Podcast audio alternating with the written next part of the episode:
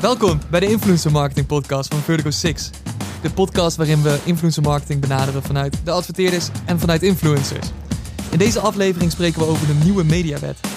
Waar komt dit nou eigenlijk vandaan? Wat gaat dit betekenen voor influencers en voor adverteerders? Mijn naam is Bart Kampstra en ik zit met Joost Bouwhoff. Hallo. Welkom Joost. Hi, welkom. Zou je jezelf kort even willen voorstellen voor onze kijkers die jou nog niet kennen? Tuurlijk. Eh, mijn naam is Joost Bouwhoff. Ehm, ik heb een YouTube kanaal met meer dan 500.000 abonnees genaamd Joost Speelt Spellen. Waarin ik al sinds 2011, 2012 dagelijks probeer gaming video's te uploaden. eh, voor mijn vele kijkers. En ik eh, doe ook nogal eens het een en ander in het eh, influencer marketing landschap. Zo ben ik aangesloten bij de DDMA. Heb ik mijn eigen marketingbureau. En wat nog wel meer op mijn pad komt. Super, en hoe lang doe je dit al, YouTuber? Ja, ik zei net dat mijn kanaal sinds 2011, 2012 bestaat. Maar daarvoor was ik echt al jaren actief op een Engelstalig kanaal. Maar ja, toen was ik 13 jaar, denk ik. dus dan, je, je kan je heel goed voorstellen dat een 13-jarig jongetje die Engelstalig probeert gamingvideo's te maken, dat klinkt natuurlijk helemaal als niks. Dus daar ben ik heel snel mee gestopt. Toen ik eh, eenmaal een beetje gezond verstand kreeg, dacht ik van, nou ja, ik ga wel gewoon Nederlandstalig doen. En eh, toen ging het eigenlijk best wel snel. Dus eh, ja, best wel, ik denk dat ik het al langer dan 10 jaar doe nu. Gaaf man. Ja. Echt een, een rot in het vak wat dat betreft. Daar kennen Nou we ja. elkaar natuurlijk ook van oorspronkelijk. Ehm, in het verleden, hè, wat op dit moment eh, wordt de regelgeving rondom influencers wordt voornamelijk gereguleerd vanuit de reclamecodecommissie. ja. Heb je er al wel eens eh, mee te maken gehad? Eh, persoonlijk niet. Ik denk dat ik altijd net middelmotig genoeg zeg maar, was om niet echt in de, in de schijnwerpers van de mediawetten of van de reclamecode te komen. Dus, maar ik hield me eigenlijk ook altijd wel netjes aan de regels. Ik deed niet helemaal gekke dingen of ik verbloemde niet een, een, een samenwerking. Ehm, maar ik heb wel genoeg collega's gezien die wel eens aangesproken zijn of die wel eens een eh, standje hebben gekregen van hey luister, daar moet eventjes een hashtag ad onder of eh, wat je hier aan het doen bent is niet helemaal netjes voor jouw doelgroep zeg maar. Want waar dat nu vandaan komt, want eh, er komt nu natuurlijk nieuwe regelgeving aan. Ja. Op dit moment is het nog, eh, of ja, op dit moment van opnemen in ieder geval, ligt het nog de verantwoordelijkheid voornamelijk bij de reclamecodecommissie, waarin Ja. we als adverteerders onderling eigenlijk afspreken van wat zijn nou de regels waarin we willen opereren binnen de influencer marketing. Ja. En dan wordt het voornamelijk gedaan door eh nemen en shamen eigenlijk. En dat wil je natuurlijk absoluut. In ieder geval als adverteerder wil je niet dat je daar genoemd wordt, dat het in je merken zo genoemd wordt. Nee. Weet jij hoe dit bij influencers leeft? Hebben zij ook zoiets van, nou, wij willen niet op die manier voorbij komen? Ja, ik denk dat het onder influencers, als het gebeurt, dan wordt het niet echt publiekelijk gemaakt. Zeg maar van, oh shit, ik ben hiervoor gename shamed. Weet je wel, eh, dat, wordt, dat gebeurt allemaal achter de schermen veel. En dat krijg je dan wel mee, dat, dat er, of er komt een artikel online, weet je wel. Eh, maar voor het grootste gedeelte zal een influencer dat gewoon aanpassen en het dan laten gaan. Op de hoop dat er snel weer eh, wat anders komt, wat belangrijker nieuws is, waardoor het vergeten wordt of iets dergelijks. Dus eh, het zal bij de adverteerders natuurlijk veel zwaarder wegen. Want ja, je merk eh, wordt, wordt er door aangetast. Maar als influencer kan je er iets makkelijker mee wegkomen, heb ik het gevoel. Ja, ja. Ja. En denk je dat veel influencers weten een beetje wat voor regels er zijn afgesproken onderling? Ja, ik denk dat de meeste mensen de ongeschreven regels wel kennen, zeker de grote. Dus de hashtag ad in je beschrijving, weet je wel, verbaal vermelden als iets gesponsord is. Dat, die, die zit er wel redelijk in. Maar ja, het gebeurt nog zo vaak dat er een, even een Instagram fotootje online komt waar de hashtag ad wordt weggelaten. Omdat ze denken dat het algoritmisch beter werkt. Eh, zeker op livestream platformen wordt het vaak wel eh, een beetje verbloemd, een beetje weggemoffeld. puur omdat het moeilijker is of zo. Eh, dus ja, het, het- de fouten worden nog steeds gemaakt. Maar ik denk dat de meesten wel op de hoogte zijn van hoe het eigenlijk moet. Ja. Ja. Ja, dat denk ik ook wel. Is dat. Want bij adverteerders dan leeft het ook heel erg. Eh, maar stiekem, stiekem liggen er best wel veel verantwoordelijkheid daarvoor bij de adverteerders liggen daar. Hè? Ja, ik denk ook wel. Want als, als de influencer de fout maakt, wordt eigenlijk altijd als eerst gewezen naar de adverteerders. Van ja, jij had de, de influencer beter moeten brieven. Nou moet ik ook zeggen, het is wel eens voorgekomen dat ik als influencer een mailtje heb gekregen van een adverteerder. Die letterlijk zei van, we hebben liever niet dat je het vermeldt. Want we Oh, merken zo. dat het algoritmisch beter werkt om het weg te laten. Eh, nou ja, vaak ga ik die samenwerking dan ook niet meer verder aan. En dat zijn ook meestal internationale partijen. Weet je, de meeste Nederlandse brands, de meeste Nederlandse adverteerders weten wel hoe het zit. En die willen dat risico ook niet lopen. Eh, maar ik heb wel eens van een internationale partij gekregen van... Oh, ik heb liever niet dat je de eh, YouTube-functie aanzet van een gesponsorde video... maar Oh, dat je zo. het bijvoorbeeld zelf zegt of zo, weet je wel? Of niet niks in de beschrijving zetten, want hashtags die zijn negatief of iets in die richting. Ik, eh, er zijn allemaal hele rare excuses verzonnen.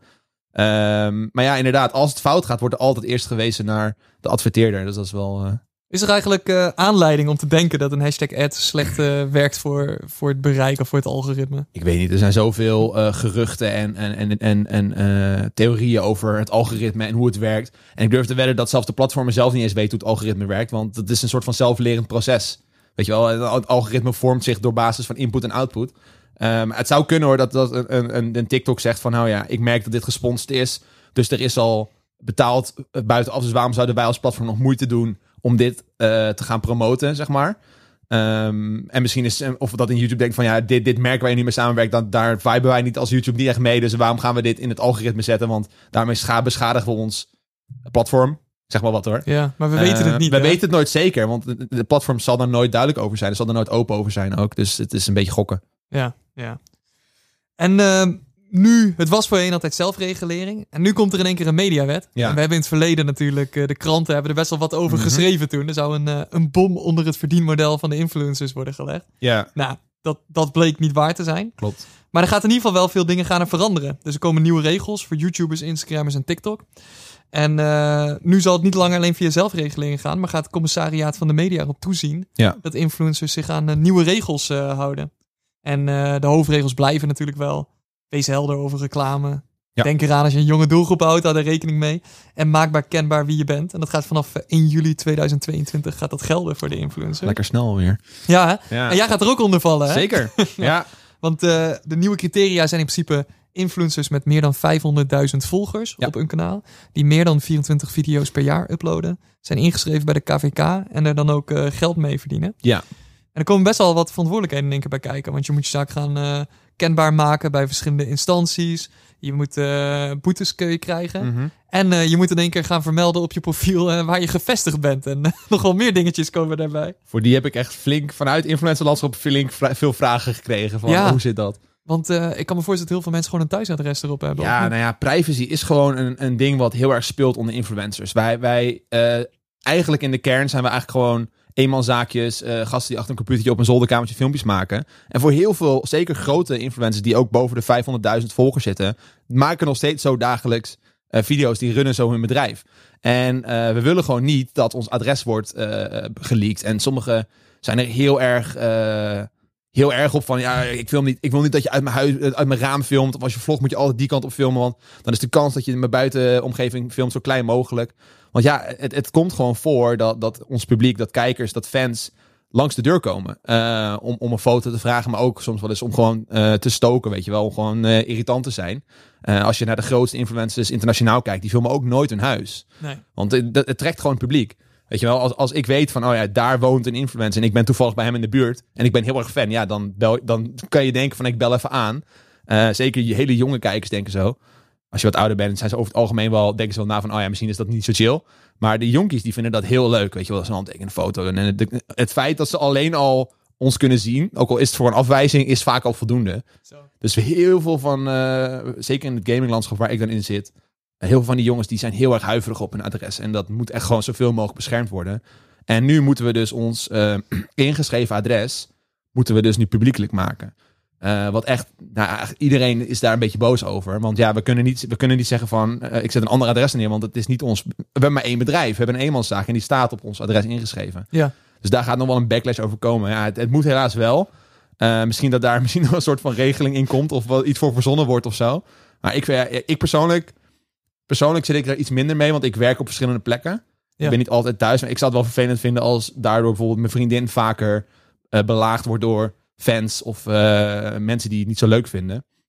Maar je, ja. je hebt in het verleden wel eens gehad, toch? Dat bij jou de hele straat vol stond. Ja, ja, zeker. Ik heb wel eens gehad dat, eh, dat, dat toen, toen woonde ik samen met eh, een collega YouTuber van mij. En toen hadden we een hele grote vlog hadden we uitgenodigd. En gewoon omdat hij bevriend met ons was. Niet eens om, om, om content te maken of wat dan ook. En toen waren we, gingen we een ijsje halen bij de lokale ijswinkel. Het is zo stom als dat. En één iemand die had hem gezien. En die had toen al zijn vrienden gebeld. En echt, ik denk dat het een, geen uur duurde tot er echt 60 mensen voor de deur stonden. En ik heb denk ik nog jaren, eh, twee jaar daarna heb ik nog ruzie gehad met mijn buren daarover. Zo. Van ja, jij nodigt al die mensen hier uit. Weet je wel, jij bent verantwoordelijk. Dit heb jij gedaan. En dan denk ik als influencer van ja, hallo, weet je, ik, ik heb hun niet uitgenodigd. Ik wil ze hier niet eens. Ik kan me ook nog herinneren, het is één keer zo erg geweest dat ik de politie had gebeld. Zo. Maar de politie deed er niks aan. Die, die zegt gewoon ja, die gaan zelf weer weg. Maar ik zeg ja, maar ik heb ruzie met mijn buren hierdoor, weet je wel. Die, die- dat zijn allemaal wat oudere mensen, die snappen dat niet. En die, die, die hebben nog steeds, eh, uiteindelijk moesten we ook verhuizen. Weet Zo. je wel, zo erg kan het zijn. Dus ik vind het, dit, is wel een zorgwekkende, een van de zorgwekkende regels. Dat ik denk van, hm, oké, liever niet, maar ja. In ieder geval als het commissariaat van de media nu luistert, is Ja. misschien iets om rekening mee te Als houden. daar inderdaad iets van op, op verzonnen kan worden, graag. Zeker voor de, voor de eenmanszaakjes. Kijk, als jij een BV hebt en een bedrijf en een bedrijfsruimte en eh, heel veel mensen in dienst, ja, dan zie ik dat niet echt als een probleem. Maar als jij gewoon filmpjes maakt achter je computer en je bent doorgebroken en je doet dit voor de lol, maar ook, het is ook je inkomsten, ja, dan is het gewoon heel lullig als je dat soort privacy moet publiekelijk maken. En wat er ook eh, nieuw is, is dat dus dadelijk eh, verschillende vormen van reclames eh, worden onderscheiden. Ja. Dus Klopt, ja. voorheen was alles hashtag ad. Mhm. Nu heb je ook reclame, sponsoring en productplaatsing heb je, waarbij er ook in één keer verschillende voorwaarden aan de uiting zelf gaat zijn. Ja. Dus bijvoorbeeld als het productplaatsing is, mag je het product niet eh, aanprijzen en zulke dingen zitten er allemaal in één keer in. Ja. Hoe, denk je dat, eh dat influencers er tegenaan kijken? Denk je dat het goed is dat dat zo gedaan wordt? Ja, het is wel grappig, want ik heb het. eh, ik, ik ben een beetje bang dat. ehm, kijk, het is heel goed dat het er is. Want ook als je kijkt naar televisie, weet je, alles heeft een eigen manier van hoe je iets aangeeft. En dat gaat natuurlijk op YouTube ook een beetje zo worden. Maar ik ben een beetje bang dat dat in Duitsland een, een tijdje geleden was er ook zo'n soort regel. En wat, wat er toen gebeurde is dat Duitsers, Duitse influencers in al hun video's maar gewoon een hashtag gesponsord zetten. En dat Ja. is dan in dit geval de zwaarste vorm van gesponsorde content. En die hadden gewoon in al hun content per, permanent daar staan. Om, zodat je maar, mocht er ook maar iets gebeuren, mocht je maar een productplaatsing doen of wat dan ook, dan was het in ieder geval gecoverd. En dan klopt het niet helemaal meer, zou ik zeggen. Dan het bedoel? doel voorbij. Dan ga je het doel voorbij, ja. En ik, ik ben een beetje bang dat het daar misschien heen gaat. Dat een aantal cynische YouTubers denken van... ja, ik wil hier niet over nadenken. Eh, dus ik doe wel gewoon de zwaarste die alles eh, opvangt. En zet die gewoon op al mijn content neer. Eh, maar ja, dan ga je het doel voorbij. Dus ik, ik ben wel blij dat ze er komen. Dat er meer splitsing doorkomt. Ik vraag me alleen heel erg af of de influencers dit echt op gaan pakken op die manier. Ja. Denk je dat adverteerders hier niet op gaan pushen? Van hey, Ja. ik wil gewoon dat je duidelijk bent dat je met mij transparant Ik samenwerkt. denk, ik denk dat dat vooral, eh, dat dit inderdaad een taak is voor de adverteerders ook. Dat ze, dat ze een, misschien een soort van sheet meesturen. Of dat ze in hun contracten zeggen van, nou, voor dit soort info, we gaan nu een, eh, een sponsoring aan. Dus ik wil dat je het op deze manier aangeeft, want het moet volgens de wet. Of dat als een, eh, want dat gebeurt nu natuurlijk nog niet. Stel, ik krijg een perspakketje en, ze, en dan wordt er gevraagd of ik iets op Instagram stories wil delen. Dat is dan eigenlijk het enige wat ik krijg. Een klein, Ja. Er zit niet echt een briefing bij of zo. Maar daar komen ook regels over. Dus het zou wel heel fijn zijn als dan een adverteerder een soort van kleine eh, ja, cheat note zeg maar, meestuurt. Waarop staat van, nou ja, dit is een, een, een productplaatsing of een gekregen product. Dus dit is wat je moet doen. Ja. Eh, dat wij er eigenlijk als influencers er niet echt over hoeven na te denken. Kijk, ik weet het wel. En ik weet dat heel veel grote eh, jongens het ook wel weten. En die zullen daar echt wel rekening mee houden. Maar ja, het is een beetje lullig om over, mij, over mijn collega's te zeggen. Maar sommige mensen zijn gewoon heel lui. Ja. En die willen gewoon content maken. En die willen daar niet over nadenken. Ja. En dan krijg je dat soort dingen zoals in Duitsland. Weet je wel, dat gewoon, nou, we gooien wel hashtag ad op alles. En dan zit het, dan zal wel goed zijn. Ja, maar dat wil je natuurlijk Dat niet wil je niet. Dus, dan, dus eh, ik denk dat het, dit wel een, een uitdaging is ook voor adverteerders. Wees gewoon ook transparant naar je influencers met wie je werkt. Ja. En, en geef gewoon duidelijk aan: hey, dit is de soort sponsoring die je nu gaat doen. Dit is wat je moet aangeven. En ik denk, omdat die regels er nu ook zijn, zal het voor adverteerders ook steeds duidelijker worden. Van, oh, ik ga nu deze campagne uitzetten. Oké, Ja. dan dit is de regel waar mijn influencer zich aan moet voldoen. Nou, duidelijk, dan stuur je dat op. Weet je wel, je hoeft, niet- je hoeft niet meer te zeggen van, hm, dit zijn de drie opties. Zoek zelf maar uit een beetje wat je gaat doen. Nee, nee, nee. Dit is wat je moet gaan doen. En dat, ik denk dat als dat heel duidelijk is, dat, een, dat er ook minder fouten komen. is belang eigenlijk van, eh, ook van bureaus en dergelijke met de expertise gewoon. Om dat duidelijk te kunnen brieven. Ja. Gaat misschien wel groter worden de komende periode. Ja, ja, ik denk het wel. Ja, kijk, natuurlijk, hè, de verantwoordelijkheid ligt ook bij ons, vind ik. En wij moeten ook gewoon een beetje verantwoordelijkheid erop nemen. En ik hoop als, als influencers luisteren, doe dat ook gewoon lekker. En weet je wel, ga gewoon, eh, lees jezelf in en hou je aan de regels. Maar ik kan niet voor iedereen praten. En, en er gaan sowieso een aantal mensen zijn die er een beetje laks mee omgaan. Ja. Dat ontkom je niet aan. Maar ja, die gaan de consequenties eh, wellicht eh, merken. Wellicht wel, ja. Want ehm, kijk, grote influencers kunnen dus binnenkort boetes gaan krijgen. Ja, Wellicht. zeker. Eh, dus vanaf eh, de zomer. ja. Eh, wat betekent het dan voor kleinere influencers? Want zij moeten zich nog steeds aan de regels houden. Ja. En ze moeten zich gaan inlezen allemaal. En de hoofdregels, die blijven in principe staan. Van Ja. oké, als je ergens betaald voor wordt... en dat beïnvloedt misschien je mening... Ja, dan moet je er eerlijk over zijn, denk ik. Ja dat, nee, dat, absoluut. dat blijft in ieder geval gewoon zo staan. En je gaf een aantal keer aan van... eh, vooral bij de kleinere influencers dat dat niet altijd leeft. Ja, omdat die, want die, zijn, die zijn beginnen net, weet je wel. Eh, die hebben zoiets van, oh ja, dit is... eh, ik doe maar wat, weet je wel. Het zal, het zal vast niet heel erg zijn. Ik, ik word toch niet gepakt, want ik ben te klein. Maar ja, ik, je moet je gewoon altijd aan de regels houden. Gewoon Ja. ook al val je niet binnen die 500.000, eh, hou je gewoon in die regels. Volgens mij kun je er nog wel op, op aange- aangesproken worden door het commerciaat, toch? In ieder geval door de recla reclamecodecommissie. Ja. Dus stel, stel je bent daaronder, maar je houdt je niet aan de regels, dan kan je alsnog wel eens een mailtje krijgen van, hey, luister eh, vriend. ja, en dat is gewoon bad rap. Dat Ja, dat wil je niet hebben, nee. Dat is, en ik denk ook dat je daar ook geen vrienden mee maakt met de brands met wie je dan samenwerkt. Stel je bent Ja. klein, hè, dan, dan wil je, ben je hartstikke blij dat je een sponsorship krijgt. Als het helemaal geregeld is. En dan wil je natuurlijk ook dat dat goed afloopt. En niet dat de brand uiteindelijk zegt van... oh ja, ik zie dat je je niet aan de regels gehouden hebt. Dan maar eh, gaan we naar een andere. Want ja, jij houdt je niet aan de regels. Dus weet je, ook voor hun hou je aan de regels. Vanuit de markt zijn we natuurlijk niet stil aan het zitten nu, eh, nu dit er allemaal aankomt. Ja. Er is in ieder geval vanuit DDMA een initiatief gestart. Dat heet eh, influencerregels.com. Ja. Jou vind je gelijk op de homepage daar zo. Dat klopt, ja. ik ben een beetje het paradepaaltje van de influencercommissie daar. ook. Echt hè? En samen in ieder geval gaan we er proberen wat van te maken. Ja. Eh, zou je iets kunnen vertellen wat je allemaal kunt vinden op influencerregels.com? Ja, eigenlijk alles wat je moet weten. We, we hebben ons best gedaan via de DDMA, Data Driven Marketing Association, voor de mensen die het niet kennen. eh, om eh, met de commissie om gewoon zoveel mogelijk duidelijk te krijgen. Duidelijkheid te scheppen ook. Dat was ook initieel de reden waarom ik daarbij ben gegaan als influencer. Want ik vond dat alles heel erg vanuit de adverteerder werd gekeken, maar niet echt vanuit de, de influencer. En ik wil echt wel, mijn persoonlijke doel is ook een beetje die brug te zijn tussen de influencers en de regels. En ik denk dat influencerregels.com een beetje daarvan het resultaat is. Van hè, daar vind je alles wat je moet weten. Het is een soort van cheat sheet. Ja. Weet je wel, ik, oh ja, ik ga nu een sponsorship doen op Twitch. Nou, klik je op Twitch. Wat voor soort sponsorship is het? Ja, dit. Klik. En dan boom. Dat staat, daar staat wat je moet doen. Het is, makkelijker is het niet. Ja. Dus, eh, en ook, ook als je boven de 500.000 eh, abonnees zit, is een hele mooie pagina voor gemaakt. Met alle duidelijkheid van, oké, ja, moet je nu hier inschrijven. Eh, dit is wat het gaat kosten. Dit is eh, de, de hyperlinks naar de verschillende instanties waar je kenbaar, jezelf kenbaar moet maken. Dit zijn de regels. Ja. Dus ik ben gewoon blij dat die site er is en dat het eh, dat vooral heel veel duidelijkheid creëert. Wij gaan dit waarschijnlijk ook de komende periode met influencerzendingen. En dit gewoon meesturen ook Ja. van in eerste instantie van oké, dit moet je allemaal doen. Ja, En kijk voor meer informatie ook even op deze pagina op influencerregels.com. Ja. Eh, want het is natuurlijk enerzijds voor influencers, maar anderzijds gaan ook bureaus en adverteerders enorm mee geholpen worden de komende Zeker. periode. ja. Want je hebt als adverteerder gewoon de verantwoordelijkheid hierin om mensen erop te wijzen. Ja, we zeiden het net al. Misschien dat het ook wel goed is om dat nog zelf in die website te bouwen. Dat je een soort van pdf'jes kan downloaden of zo. Oh ja, Weet je wel? Dat je als adverteerder zegt van, oh ja, wat voor soort... Dat, dat, je, dat je als adverteerder doorheen kan klikken.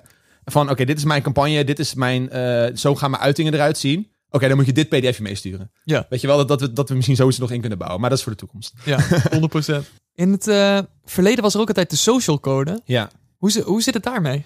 Nou ja, de social code is natuurlijk eh, door een aantal YouTubers opgezet en werd ook best wel veel gebruikt. Ja.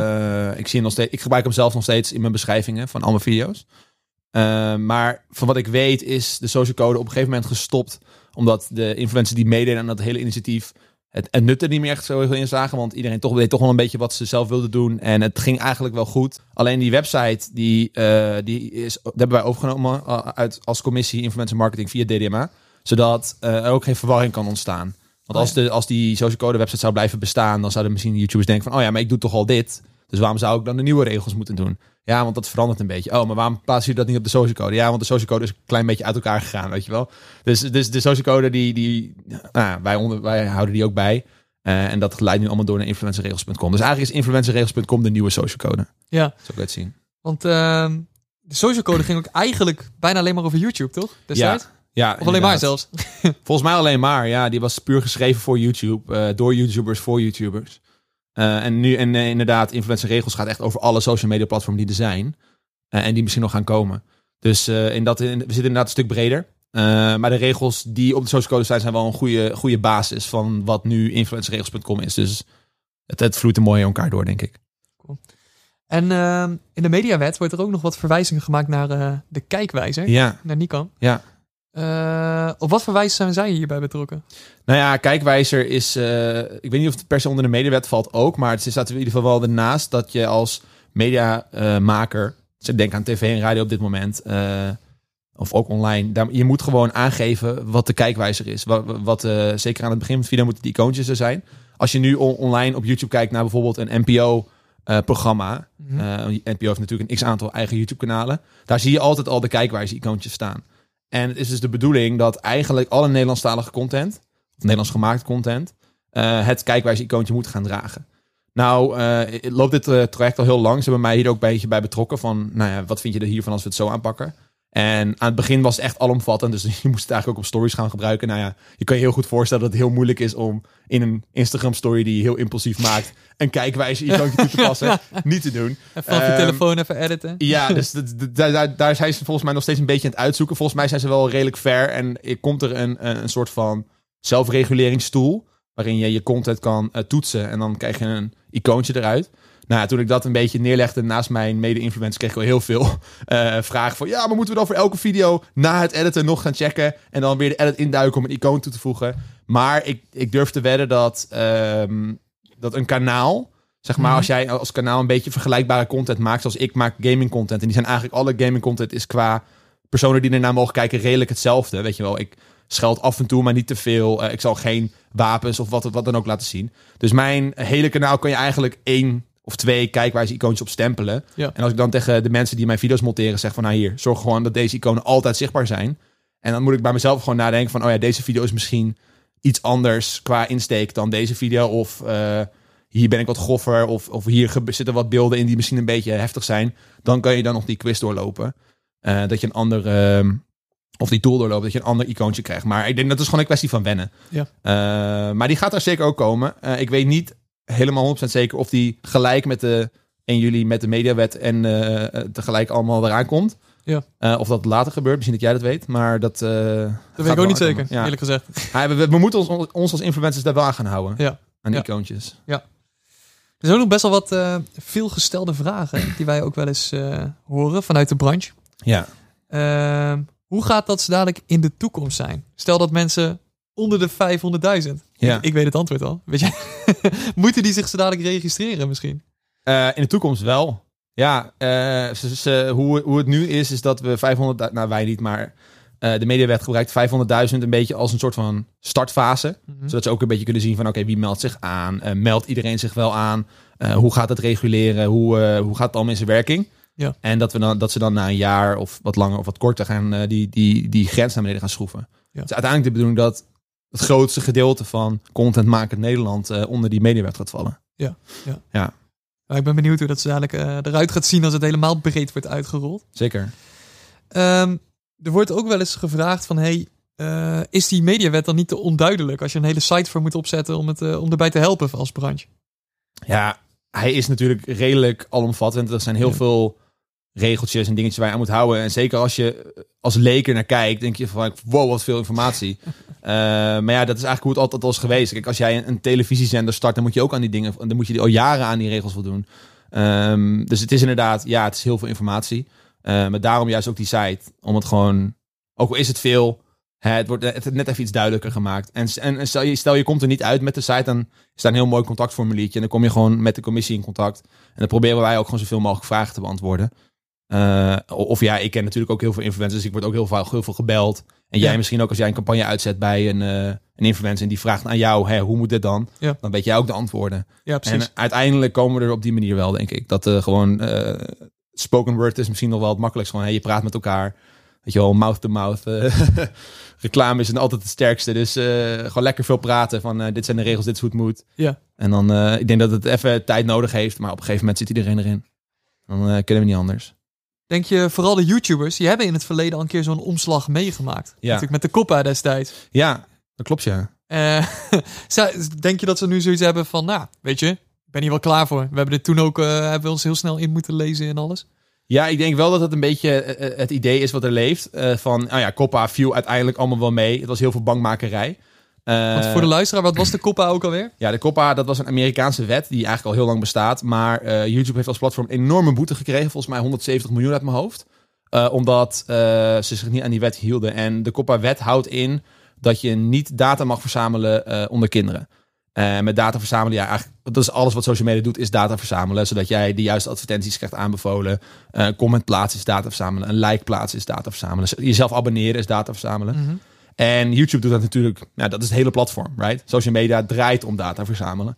Ehm, en met die COPPA-regeling eh, heeft YouTube een boete gehad. En toen is er een tool gekomen waarin jij als creator moet aangeven of jouw content voor kinderen is, ja of nee. En zodra jij op ja drukt, dan worden comments uitgezet onder je video's. Likes volgens mij niet. Maar je kan niet meer, je- er, kan geen data meer verzameld worden onder jouw publiek. En dat heeft ons heel erg, eh, zeker onder de gamers ook, afgeschrokken van ja, weet je, er kijken kinderen naar onze content, maar niet, eh, niet als primaire doelgroep, zeg maar. Het is, ze zijn aanwezig, maar het is niet waarop we ons focussen. Ja. En moeten wij dan ja zeggen, omdat er een deel kijkers zijn, of die heel jong zijn. Eh, maar ja, als je ja drukt, kan je ook niet meer inkomsten genereren op je Nee, video's. want er mocht, mocht dan niet meer geadverteerd worden gericht op Ja, kinderen. niet toch? gerichte advertenties, maar dat zijn de meest eh, vo- voorkomende advertenties en die eh, verdienen het meeste. Dus alleen nog maar hele algemene advertenties kunnen draaien als die er zijn. En ja, dat is echt, dan, die, die inkomsten gaan echt gewoon naar nul eigenlijk. Dus heel veel YouTubers die dachten meteen van, oh, ik zet gewoon nee aan. En aan het begin was daar een beetje angst over van, ja, oké, ik zet hem op nee, maar is het wel echt nee? Eh, er zijn een aantal YouTubers in Nederland, maar ook internationaal, die echt puur kindercontent maken. Maar ik weet dat ze die op nee hebben gezet, gewoon puur omdat ze nog gaan kunnen verdienen. Ehm, en dat is een probleem. Want in, in zekere zin zijn ze dan strafbaar, want ze, ze overtreden die wet. Alleen er gebeurt niks. De, als je ook zoekt op Coppa-wet gaat fout of eh, hè, ik ben aangepakt door Coppa-wet, dan je krijgt geen resultaten, omdat de, die hele wet wordt gewoon niet gehandhaafd. Dus ze hebben ooit één keer een boete uitgedeeld aan YouTube en dat was het. Weet je, wel, dat was hun statement, klaar. Dus heel veel YouTubers die denken nu, oh, nou ja, dat, dat was gewoon even een vlaag. Eh, we hebben we even een beetje bangmakerij, maar we hebben er niks van gemerkt. We kunnen Ja. weer door met ons leven. En ze denken dat dit ook zo gaat zijn. En ik denk dat dat wel een grote misvatting is. Want ja, het lijkt alsof dit een regel is van nou ja, bangmakerij en het valt allemaal wel mee in de praktijk. Eh, maar dit zijn wel echt regels waar je echt wel voor moet letten. Ja, dit is Eh. ook een Nederlandse overheid die erbij betrokken is in plaats van de Amerikaanse. Ja, Ja. dus het is, het is allemaal wat dichter bij huis. En, eh, en het hoeft allemaal niet eng te zijn. Ik denk ook, als zijn we een, een half jaar of een jaar verder, dan, dan heeft iedereen dit gewoon omarmd en geaccepteerd en geïmplementeerd in zijn werken. En dan kunnen we gewoon allemaal weer doorgaan zoals we bezig zijn. En is het nu even allemaal heel eng, want verandering is eng. Ehm, maar ja, het is wel iets om zeker even naar te kijken als influencer Ja. en ook als adverteerder. Als we nu eventuele influencers die kijken, als ze Ja. nu één ding willen meegeven, wat zou dat dan zijn? Ga naar influencerregels.com. Eh, check eventjes of je je al houdt aan de regels die er zijn. Eh, kijk even voor jezelf wat er gaat veranderen. Eh, misschien heb je al een, een doorlopende partnership met een brand. Misschien doe je al regelmatig samenwerkingen. Check eventjes of dat dan al goed gaat voor jou. Zeker op alle platformen waar je actief bent. Check ook eventjes als je meer dan 500.000 volgers hebt. dat je je moet aanmelden bij eh, de Mediawet en bij het Commerciaat van de Media. En bij Kijkwijzer. En doe dat ook vooral. Ik, Ja. denk, ik denk dat je, het, eh, je, kan, je kan er misschien wel afwachten tot ze naar jou toe komen. Maar ja, ik denk dat het beter is als je het gewoon zelf doet. Weet je wel, neem dat initiatief. Eh, hoe meer mensen zich aanmelden, is ook hoe sneller en beter, we, beter de, de mediawet zich kan vormen. Ehm, en er zullen minder boetes worden uitgedeeld uiteindelijk. En dat is denk ik wat niemand wilt. Ja. Dus ja, lees jezelf in. En eh adverteerders, eh, informeer jezelf, neem je verantwoordelijkheid en, Ja. eh, en wijs de influencers erop. Hè? Ja, en ik denk dat ook wel een goede takeaway is dat eh, het niet alleen maar is, niet alleen maar boze mediawet. weet, waarom doen ze ons dit aan? Het is ook gewoon een, een, een, een go- goede keypoint. En heel duidelijk dat het influencerlandschap en het maken van content steeds meer serieus wordt genomen. Ja. Weet je wel, we zijn niet meer de YouTubers die. Oh, die, waar, waar, dat je op een feestje bent en dat, je, dat mensen vragen wat is je werk, dat je dan niet durft antwoord te geven. omdat mensen denken van, oh, hij is een YouTuber. Dat je maar zegt dat je een accountant bent Ja, of zo. I am an accountant. Nobody asks questions. Nee, ja, maar dat, eh, dat is niet meer het geval, weet je. YouTubers zijn is tegenwoordig gewoon een daadwerkelijk beroep en het wordt gewoon geaccepteerd. En dit is een heel duidelijk teken dat ook eh, Nederland het, eh, als, als Ja, medelandschap gewoon accepteert dat social media een, een platform is. En, en een groot platform en misschien wel het grootste platform. Ja. Eh, dus ja, dat, dat vind ik fijn. Dat is leuk om te zien. Weet je, we worden eigenlijk een beetje serieus genomen. ja zeker. Eh, we moeten daarvoor werken. Maar ja, dat moeten we eigenlijk altijd. Dus eh, dat terzijde. Ja, en dat adverteerders natuurlijk gewoon met vertrouwen kunnen blijven instappen. Dat Ja. ze gewoon weten dat het geen. dat, dat mensen weten waar ze mee bezig zijn en gewoon Ja. verantwoordelijkheid nemen. Zeker transparantie. Gewoon transparantie creëren is altijd belangrijk. Hartstikke bedankt, Joost. Graag gedaan. Vond je dit een interessante podcast? Abonneer je dan in je favoriete podcast-app. Tot de volgende keer. Dit was een podcast van de Podcasters. Wil jij ook een podcast voor jouw bedrijf? Neem dan contact op via depodcasters.nl.